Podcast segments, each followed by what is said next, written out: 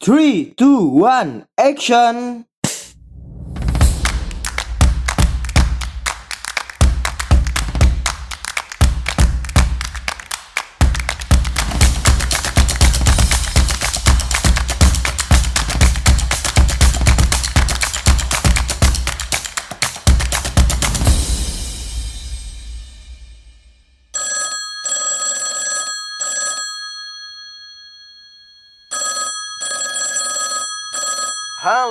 Selamat kembali di Pod by MA, tentunya di program Anak Komunikasi. Yeay. Oke, selamat datang kembali para pendengar Pod by MA di mata kuliah Teori Komunikasi. Pada pertemuan sebelumnya kita sudah menjelaskan tentang kronologi ya. Jadi dari periode klasik sampai tahun 1920 hingga tahun 1930.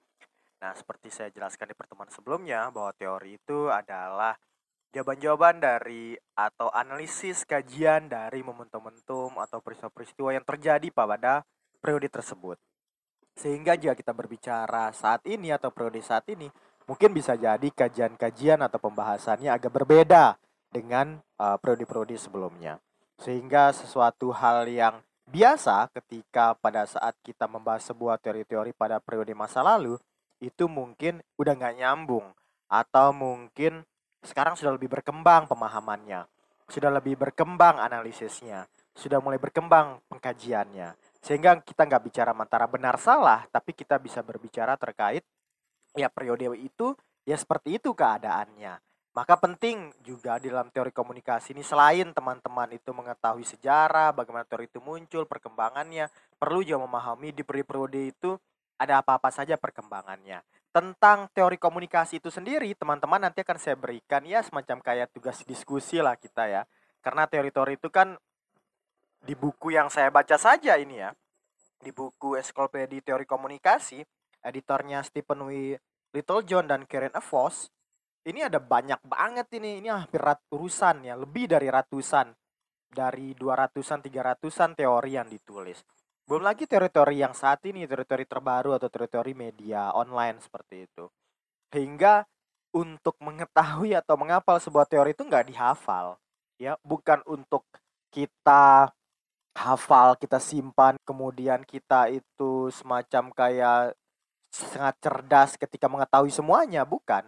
Tapi kita memahami kenapa teori itu bisa muncul, kenapa teori itu bisa hadir, kemudian kita bisa membaca saja nanti tentang teori-teori. Namun ketika kita memiliki pengetahuan lebih tentang sejarah, perkembangan, bagaimana teori itu muncul, paradigmanya seperti apa, kemudian kekuatan teorinya itu ke mana, apakah medianya, apakah audiensnya, atau apakah itu tengah-tengah seperti itu ya. Nah, ketika kalian membaca teori, kan memahami sebenarnya, oh ternyata ini kenapa sih pembuat teori ini berbahasa seperti ini. Oh, karena periodenya itu dulu begini. Karena paradigma si pembuat teorinya itu seperti ini. Ya karena keadaannya berbeda dengan sekarang. Nah, seperti itu yang saya ingin tumbuhkan kepada semua mahasiswa. Sehingga ketika berbicara teori A, B, C, D, E, teman-teman silakan buka di buku, buka di internet tentang teori-teori, tetapi ketika kalian membaca teori itu kan memahami kenapa teori itu bisa hadir di tengah kalian. Nah, langsung saja saya lanjutkan. Saya ulangi ya, pada pertemuan sebelumnya kita telah membicarakan tentang kronologi hadirnya teori komunikasi dan pengembangan komunikasi dari periode klasik sampai tahun 1920 hingga 1930. Nah, saat ini saya melanjutkan ya membacakan tentang perkembangan teori komunikasi dan komunikasi itu sendiri dari tahun 1930 sampai tahun 1940. Pada masa-masa itu mulai bermunculan karya serius tentang ciri-ciri individu. Psikolog Gordon Alport mengajukan konsep personalitas dan sikap yang membuka jalan bagi karya tentang ciri komunikasi dan persuasi. Studi tentang tanda, bahasa, dan makna terus berlanjut. Di dalamnya, Kenneth Burke memulai studi dan penulisan penggunaan simbol manusia dan relasinya dengan identifikasi antara kelompok dan orang yang kelak memengaruhi pemikiran dalam retorika kontemporer. Psikolog Rusia Lev Vygotsky mempublikasi karya penting tentang perkembangan manusia serta perkembangan bahasa dan pemikiran manusia yang kelak berpengaruh besar pada teori kritis dan linguistik. Alexei Lontiev, rekan dari Vygotsky, merintis teori aktivitas yang menyatakan bahwa makna diciptakan dalam aktivitas interaksi sosial yang konkret. Di lain sisi, Charles Morris menyusun model untuk membagi semiotika menjadi semantik, sintaktik, dan pragmatik yang memicu minat pada studi pragmatik bahasa atau bagaimana bahasa digunakan dalam percakapan aktual. Roman Jacobson mendefinisikan enam fungsi bahasa. Fungsi-fungsi yang membantu pengembangan pendekatan pragmatis baru untuk bahasa dan komunikasi. Mind, Self, and Society, karya yang didasarkan pada kuliah oleh Zor Herbert Mead, memberikan basis untuk interaksionisme simbolik yang akan berdampak besar pada teori interaksi sosial di bidang komunikasi. Benjamin Lee Benjamin Lee dan Edward Sapir mengembangkan ide-ide yang kini dikenal sebagai teori relativitas linguistik. Di lain sisi, teori kritis Marxis terus berkembang. Di dalamnya yaitu Antonio Gramsci menulis catatan penjara yang mengelaborasi dan memperluas pemikiran Marxis, khususnya ide hegemoni. Emma Tenayuka mengemukakan Marxisme dari perspektif Amerika dengan mengaplikasikannya pada orang di Amerika Serikat yang secara kultural terkait dengan Meksiko. Selanjutnya, studi media komunikasi mulai muncul. Popularitas radio meningkatkan riset tentang efek media dan melahirkan studi-studi penting seperti studi Hadley Cantrill terhadap novel War of the Worlds karya H.G. Wells. Demikian penjelasan tentang teori komunikasi dan perkembangan komunikasi pada tahun 1930 sampai 1940. Yang selanjutnya yaitu perkembangan teori dari tahun 1940 sampai 1950. Ilmuwan sosial mengkaji lebih mendalam pada pengaruh kultur dan situasi. David Efron meneliti pengaruh ras dan lingkungan terhadap penggunaan isyarat. Fernando Ortiz memperkenalkan konsep transkulturasi yang kemudian memengaruhi studi kritis dan studi kultural. Karya-karya penting baru di bidang fenomenologi akhirnya mulai bermunculan. Maurice Marlowe Ponty mempublikasikan ide-idenya tentang fenomenologi.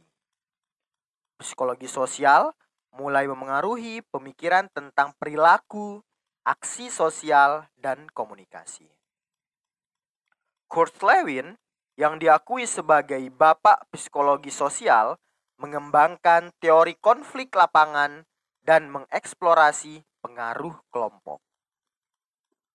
Yang di satu sisi, the power and role of the media are explored dalam studi terobosan di bidang efek media, Paul Lazarfield, Bernardo Berelson, dan Hazel Gaudet menggeser pandangan tentang media dari efek media yang kuat ke efek terbatas. Nah, ini yang kita berbicara masalah kekuatan teori ya pada tabel waktu itu. Dan lebih menekankan pada pengaruh interpersonal ketimbang saluran massa. Mereka juga mengemukakan model dua langkah, dan model aliran banyak langkah. Di lain sisi, Harold Laswell dan Charles Wake mengidentifikasi empat fungsi pers. Hutchins Commission mempublikasikan A Free and Responsible Press yang menjelaskan kewajiban normatif jurnalisme kepada masyarakat. Setelah tantangan teknis dan komunikasi semakin meningkat, muncul pendekatan matematika dan keteknikan Claude Shannon dan Warren Weaver mempublikasikan karya klasik yang berjudul A Mathematical Theory of Communication yang menyajikan teori model komunikasi informasi. Messi Conference on Cybernetic mempersatukan intelektual-intelektual penting pada masa kini. Di sisi lain, John von Neumann dan Oscar Morgenstern mempublikasikan Theory of Games and Economy Behavior yang mengkaji bidang penelitian tentang perilaku rasional, interdependensi, dan negosiasi. Aplikasi pemikiran dialektika ke teori kritis menjadi makin jelas. Di dalamnya, Max Horkheimer dan Theodor Adorno mempublikasikan The Dialectic of Enlightenment menimbulkan teori industri kultur. Di lain sisi, Roland Barthes mempublikasikan karya-karya kritis yang berhubungan dengan literatur, semiotik, dan masyarakat. Dia memengaruhi ilmu-ilmu sosial dan humaniora sampai saat ini. Di satu sisi, studi organisasi terus berlanjut Studi kepemimpinan dan administrasi oleh Philip Selznick memicu perhatian pada hubungan antara institusi dan komunitas. Di lain sisi lagi, studi klinis serius terhadap komunikasi relasional dimulai. Jürgen Ruiz dan Gregory Bateson memperkenalkan konsep metakomunikasi atau komunikasi tentang komunikasi menggerakkan studi komunikasi melampaui ide-ide dangkal tentang transmisi pesan sederhana.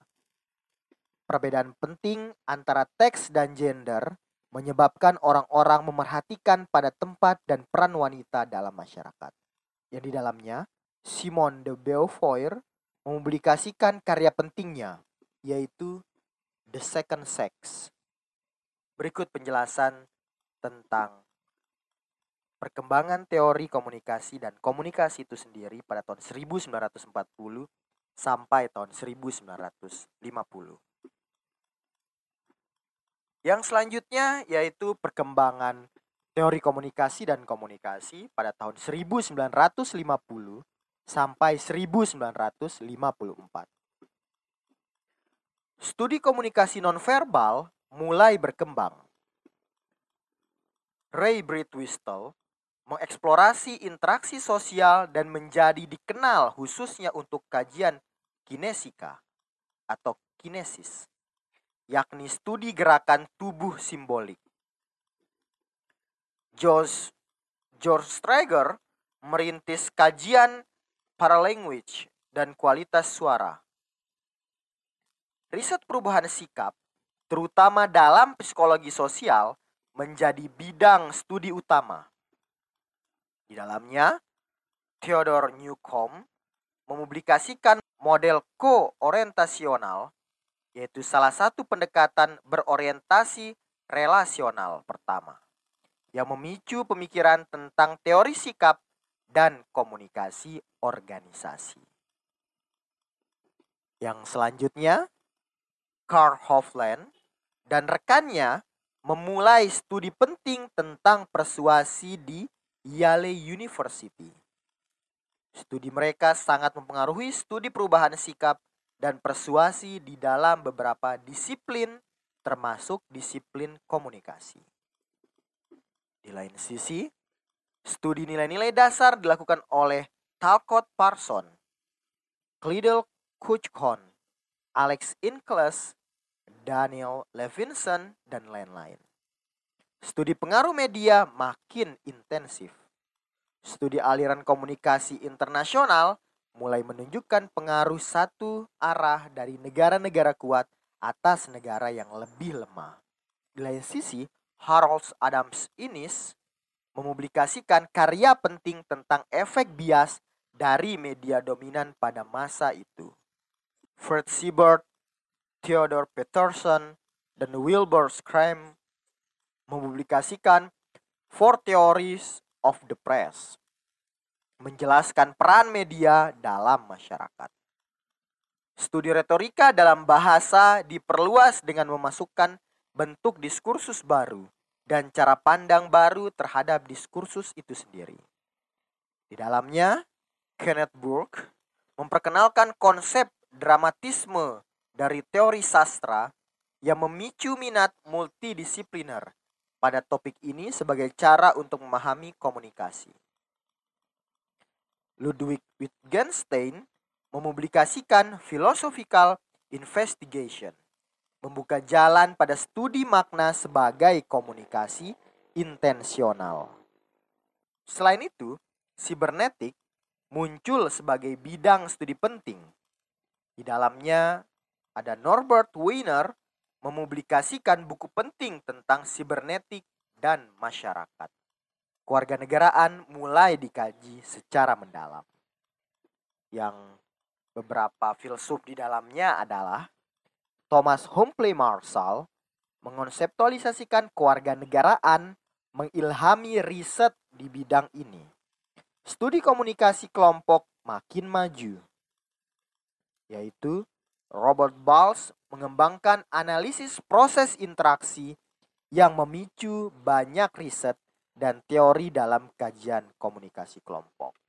Demikian penjelasan tentang perkembangan teori komunikasi dan komunikasi itu sendiri pada tahun 1950 sampai 1954. Nah, ini untuk pertemuan pada kali ini dan selanjutnya kita akan menjelaskan tentang pertemuan dari tahun 1955 hingga 1959 dan nanti pada puncaknya itu pada tahun 2008.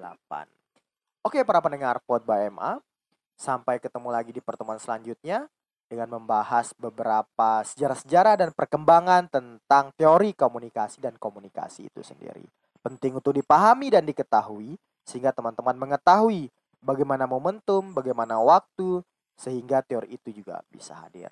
Tentunya tetap mendengarkan Pod by MA di program Anak Komunikasi. Yo.